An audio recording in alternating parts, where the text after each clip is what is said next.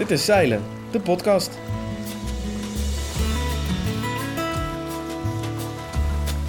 Leuk dat je luistert naar de eerste aflevering. Ik ben Joris en vandaag ga ik in gesprek met Peter Schermer over zijn tweede voorslag. Peter heeft een tweede voorslag geïnstalleerd op zijn boot. Maar waarom wilde hij dat zo graag? En, en stroom tegen, dat het echt een drama was. Uiteindelijk heb ik geloof ik 12 uur gedaan uh, over de 30 mijl naar Skagen. En toen was ik er wel helemaal klaar mee.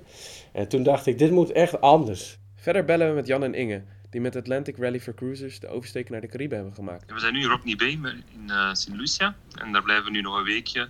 Ook omwille van uh, alle andere boten die ondertussen aangekomen zijn. We hebben heel veel vrienden gemaakt met de ARK. Uh, en ook heel veel familieboten met kleine kinderen. Ook beantwoorden we een interessante luisteraarsvraag. Ga er lekker voor zitten, want er komen mooie zeilverhalen aan. Peter schrijft als freelance redacteur voor zeilen. In de stukken die hij schrijft staat zijn Victoire 933 of Staravak centraal. Hij heeft allerlei grote klussen aan zijn boot behandeld, zoals het vervangen van de kielbouten en het schilderen van de romp. In zeilen nummer 12 en nummer 1 doet hij verslag van de nieuwste toevoeging aan zijn boot. Een tweede voorslag. Peter, welkom en thanks voor je komst. Ja, dankjewel. Hey Peter, wanneer kwam je op het idee om je boot te voorzien van een tweede voorslag? Ja, dat is eigenlijk een paar jaar geleden, toen ik vanuit Zweden terug naar Nederland wilde zeilen. En, uh, en ik veel aan de wind uh, moest. Ik wilde eigenlijk vanuit West-Zweden om Denemarken heen, om Skagen heen en één keer terug naar Vlieland zeilen.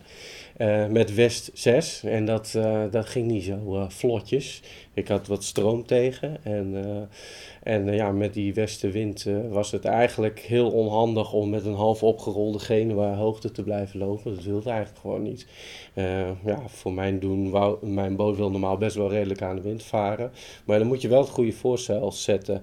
En ik merkte gewoon met een half opgerolde Genua, met West 6 en, en stroom tegen, dat het echt een drama was. Uiteindelijk heb ik geloof ik 12 uur gedaan uh, over de 30 mijl naar Skagen. En toen was ik er wel helemaal klaar mee.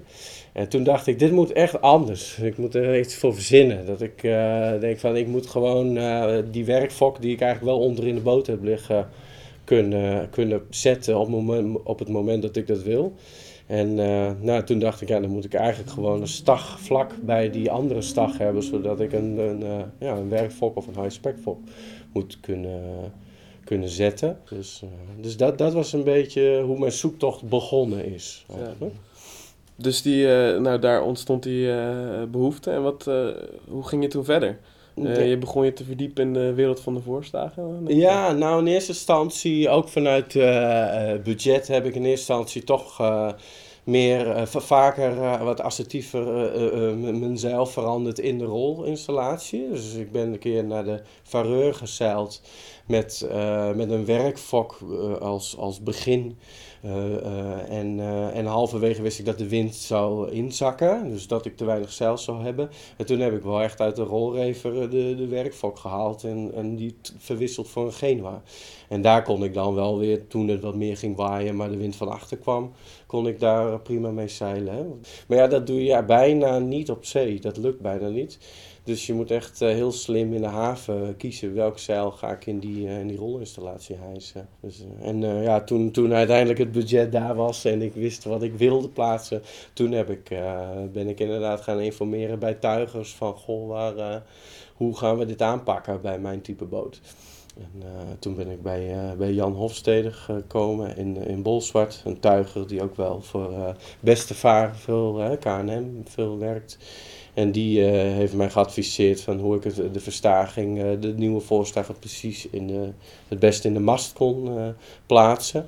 En de putting onder deks, die heb ik zelf geplaatst, gemaakt, bedacht. ja. Ja, voor welke soort voorslag en bijbehorend cel heb je dan uiteindelijk gekozen? Ja, ik heb gekozen voor wat de Engelsen noemen een Solent jib, een Solent fok. Dus dat je echt uh, de, toch nog wel re relatief de maximale voordriehoek benut met, je, met het nieuw te plaatsen zeil. En dat betekent in mijn geval dat de, de nieuwe voorstag 28 centimeter achter de normale voorstag zit. En op de plek uh, waar die dan op dek uitkomt is net voor de ankerbak. En onder, de, onder deks daar heb ik een, uh, van Mahoney een spand gelamineerd. En daar hele lange draadeinden doorheen, want het spant is iets van 12, 13 centimeter hoog. En naar de huid van het schip toe, naar de romp toe, is hij nog veel hoger, zodat ik meer lijmoppervlak kon creëren. Dus het is een soort U van mahonie. En die heb ik nog weer ingepakt met glasmatten. En, uh, en daar trekt, het, uh, trekt de voorslag nu aan en dat gaat heel goed. Ja. ja. En wat voor uh, zeil heb je gekozen om aan die voorslag te bevestigen? Eigenlijk een soort hoogopgesneden high aspect fok. Gewoon cross-cut, dus horizontaal gesneden. Maar ik heb er wel uh, vanuit het oogpunt dat het nog harder kan gaan waaien. En het, ja, uh, hij dus groter is dan een normale kottenfok. Heb ik er wel een bindrif in laten plaatsen. Dus dan, uh, hij is nu 21 vierkante meter geloof ik. Dus echt nou ja, net iets kleiner dan een high spec. Dus dan kun je tot, tot 6 wel mee varen. En dan 6 en 7 bevoor. Als je dan nog aan de wind wil varen, dan kan ik hem nog een keer een, een reef erin trekken in dat zeil ten opzichte van twee of drie reven achter de mast. En dan kan ik tot uh, Winkeras 7 wel, uh, tot 30 knopen wel aan de wind blijven varen. Ja, en het is een uh, wegneembare stag, ja. waar je dus geen roller op kunt zetten. Waarom heb je daarvoor gekozen? Nou, deels vanuit budget, maar ook wel, uh, de roller is gewoon eigenlijk niet weg te halen, mits je voor zo'n hele mooie, dure uh, furler, bottom-up furler gaat met een antitorsielijn die vast zit in het zeil. Uh, maar ik vond dit, ja, dit is prijzig genoeg. en uh, uh, deze kun je inderdaad weghalen omdat je inderdaad ook met Winker 3 moet kunnen kruisen en overstag moet willen gaan met je Genua. En dan, dan moet die stag aan de kant en dus ook het zeil. Kun je die overlengte wegspannen en dan zet je hem vast op de voetrail bij het hoofdwand, de stag. Oké, en Peter, hoe gaat zo'n zeilwissel dan in zijn werk met met twee voorzeilen. In de 200 mijls uh, moest ik een, uh, een vrij lang rak aan de wind zeilen. En dat begon bij de benedenboei uh, met Winkera 4. Dus dat ging allemaal nog prima met onder vol tuig. Groot zeil vol en een Genua 2 vol. En halverwege dat rak begon het van, nou wat zeggen, 17 knopen, wat nog net vol tuig kan zijn, naar 24 knopen te waaien. Ja, dan moet je dus eigenlijk wisselen. En dat was mijn allereerste keer dat ik dat echt in vol ornaat moest doen terwijl de boot op snelheid was. En uh, dat, was, dat bleek achteraf hartstikke leuk, dat het werkte goed. Ik moest de stag uh, echt bij de mast weghalen, want daar had ik, hè, de tweede voorstag was, was, stond, stond op standby, zeg maar. Dus die moest ik met zijn uh, spanner naar het voordek brengen, terwijl de boot op de windvaan doorzeilde op zijn Genoa 2. En, en door, die, door die stag al een beetje op spanning te draaien, neem je dus al een deel van de, de spanning over van de, van de originele rolinstallatie. En, en daarna moest het zeil naar voren, wat op dat moment midden in mijn kajuit lag. Ja, ik was een wedstrijd aan het varen, dus dan heb je alles dicht bij de hand. Maar dat moest wel even naar voren via de loefkant door het gangboord. Dus dit is best wel een zwaar zeil, dus dat is best wel een beetje een geheister, maar dat, dat lukt wel. En, en dan is het een kwestie van de schoten die wel op het dek liggen eraan knopen. Uh, en dan het, uh, het zeil ja, aanklippen met de, met de leuvers aan, het, aan de stag. En dan als allerlaatste de stag echt helemaal doordraaien tot je alle spanning hebt overgenomen van de Furlex. En dan, en dan is het een kwestie van zo snel mogelijk die, de nieuwe stagfokje hijsen. En dan doorzetten op de achterlieren. En, dan, uh, en daarna uh, de, de Genua laten schieten en die oprollen. Dus dan heb je eigenlijk tijdelijk even twee zeilen in elkaar. Dat vloddert wel een beetje raar. Maar, uh, maar dat, dat gaat wel goed. Je, je bootsnelheid is daardoor altijd blijft gelijk, zeg maar. Ja, en je, je merkt dan echt dat, je, dat vooral de snelheid omhoog gaat. Qua hoogte lopen is het naar, uh, viel het eigenlijk heel erg mee. Maar de bootsnelheid schiet in één keer van 5,6 hakkend aan de wind met veel helling naar 6,1. En dat is wel heel leuk om dat, uh, dat te merken. Ja. Peter, ik denk dat uh, veel zeilers over een tweede voorstag nadenken. zeker als ze van plan zijn om ook grote zeereizen te gaan maken. En jij hebt nu dat hele proces achter de rug. Uh, hoe zou je hen aanraden het aan te pakken? Zijn er dingen die jij anders zou doen, zo terugkijkend? Of uh, ben je heel tevreden hoe het is gegaan? Ja, ik moet eerlijk zeggen dat ik eh, wel redelijk tevreden ben hoe het is gegaan. Ik heb me vooral heel erg door de praktijk laten informeren. Ik heb heel veel mensen gevraagd met een soort gelijktuigplan van hoe, hoe, het beviel, hoe bevalt een kotterfok. En dan hoorde ik zo vaak het verhaal en nog steeds van... Goh, had ik het maar verder voorop gezet. Want ik heb zo vaak te weinig zeil om alleen maar met mijn kotterfok te varen.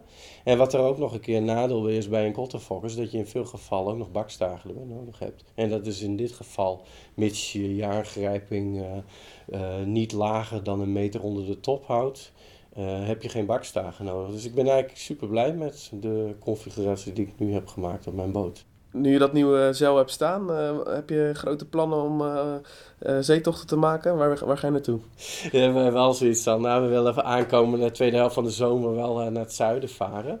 En dan gaan we ons huisje verhuren. En dan gaan we een, een winter in Portugal, misschien Canarische eilanden, varen. En dan komen we volgende, komend voorjaar weer terug via de Azoren. Dus, dus we hopen op veel ruime koersen. En dan zullen we zeker dit zeil erbij hijsen. Ja. Bedankt Peter voor uh, alle informatie en uh, heel veel plezier met je tocht naar het zuiden. Dankjewel. Mag ik wat vragen? Ik ben zo benieuwd. hey, waarom is dat eigenlijk zo? En nu, de luisteraarsvraag van de maand. Iedere maand beantwoorden we een luisteraarsvraag. Tijdens de Atlantic Rally for Cruisers in november werden twee bemanningen geëvacueerd. Eén vanwege roerproblemen, de andere vanwege een tragisch ongeluk. De vraag die we binnenkregen is deze. Wat gebeurt er eigenlijk met zulke achtergelaten jacht op zee? Onze redacteur Sanne zocht het uit. Ja, wat gebeurt er eigenlijk met je boot als je hem achterlaat op zee zonder bemanning en je laat hem driften? Wel, niet zoveel. Een zeilboot kan best een lange tijd blijven ronddrijven op open zee zonder dat er ook maar iets bijzonders gebeurt. Tot er natuurlijk wel iets gebeurt, zoals bijvoorbeeld een aanvaring met een andere boot. Dan wordt het een probleem, want dan moet je je als eigenaar aantonen dat je er alles aan gedaan hebt om een uh, aanvaring te voorkomen. Je moet bijvoorbeeld je positie hebben doorgegeven aan het MRCC, en dat is het uh, Maritime Traffic Coordination Center. En je moet ook wel een hele goede reden gehad hebben om het schip te verlaten. Uh, dat wordt dan allemaal onderzocht om te kijken wie er aansprakelijk was voor de aanvaring. Of stel dat je boot de hele oceaan is overgedobberd richting land en het komt ergens aan wal dan uh, kan een overheid jou als eigenaar verplichten om het schip te bergen, om aanvaringen en milieuschade te voorkomen. En dan wordt het natuurlijk ook een ver verzekeringskwestie. Uh, en op mijn vraag wie die bergingskosten dan uh, betaalt, antwoordde Pantenius dat het bergen van het onbemande schip bij Pantenius betaald wordt vanuit de cascoverzekering van het schip. Alleen als er een dagvaarding is vanuit de plaatselijke overheid, dan wordt het betaald vanuit de wettelijke aansprakelijkheidsverzekering van het schip. Of stel dat iemand je driftende onbemande boot vindt op de, op de zee en die persoon neemt hem mee. Mag die persoon hem dan gewoon houden? Dus de zogenaamde finders keepers regel. Nee, dat blijkt dan toch maar een uh, juridische roddel te zijn, een fabeltje. En dat vertelde mij de advocaat uh, Benoit Goemans, Belgische advocaat. En die is gespecialiseerd in maritiem recht. En hij vertelde mij dat het schip eigendom blijft van de eigenaar, tenzij het is anders is afgesproken met de verzekeraar. Want die kan ook eigenaar worden van je boot als dat zo is afgesproken, maar meestal wil die dat niet. Dus een vinder kan wel een vergoeding vragen voor zijn bergingsactie. En die vergoeding dat hangt dan weer af van de regels van het desbetreffende land waar de boot zich bevindt. En vaak is wel de regel dat je het vrijwillig moet doen om het schip dus in veiligheid te brengen. Dus je kan er dus niet je business van maken. Yes, nu is het tijd voor een belletje met een vertrekker. De ARC, de Atlantic Rally for Cruisers, is zojuist aangekomen op het Caribische eiland St. Lucia. We hebben Jan en Inge aan de lijn die met hun twee kinderen en een opstapper de oversteek hebben gemaakt. Hey Jan en Inge, hoe is het op St. Lucia en hoe was jullie tocht? Ja, eigenlijk, uh, het is hier ten eerste heel zonnig en warm. dus we zijn eigenlijk heel blij dat we hier zijn. Uh, maar uh, de tocht was uh, ja, prima gelopen eigenlijk. We zijn eigenlijk ja, ik wel blij dat we met de ARK hebben meegedaan. Ehm, vooral voor de kindjes. we, we hebben twee kindjes aan boord van 8 en 9. en je leert heel veel boten kennen. Dus ook tijdens de overtocht wordt er veel ge-mailed.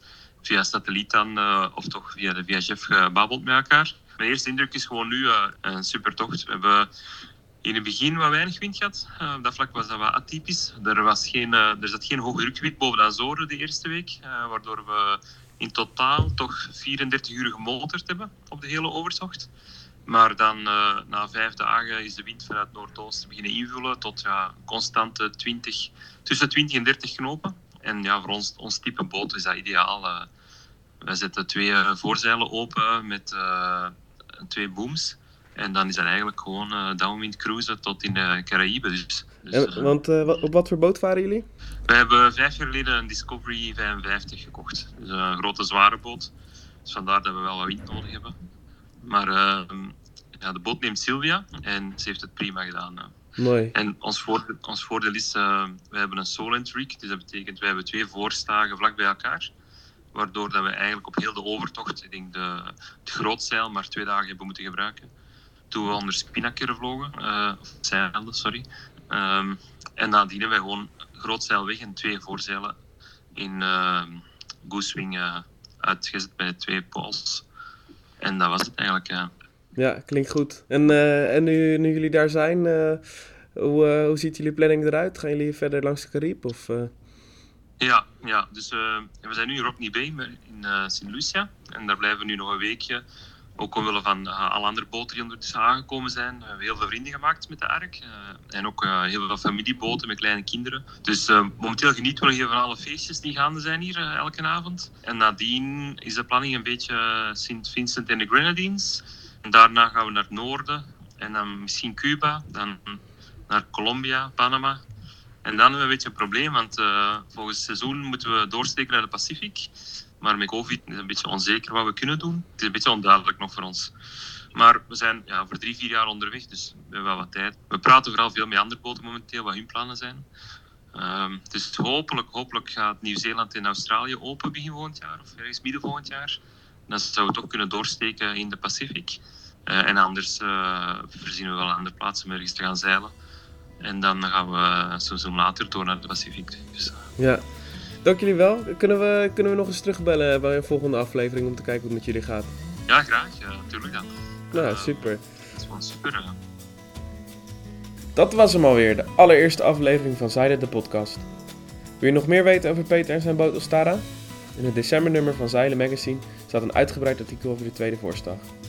En wil je meer fijne zeilverhalen lezen en kijken? Vergeet ons niet te volgen op Facebook en Instagram of ga naar zeilen.nl. Bedankt voor het luisteren, behouden vaart en tot volgende maand.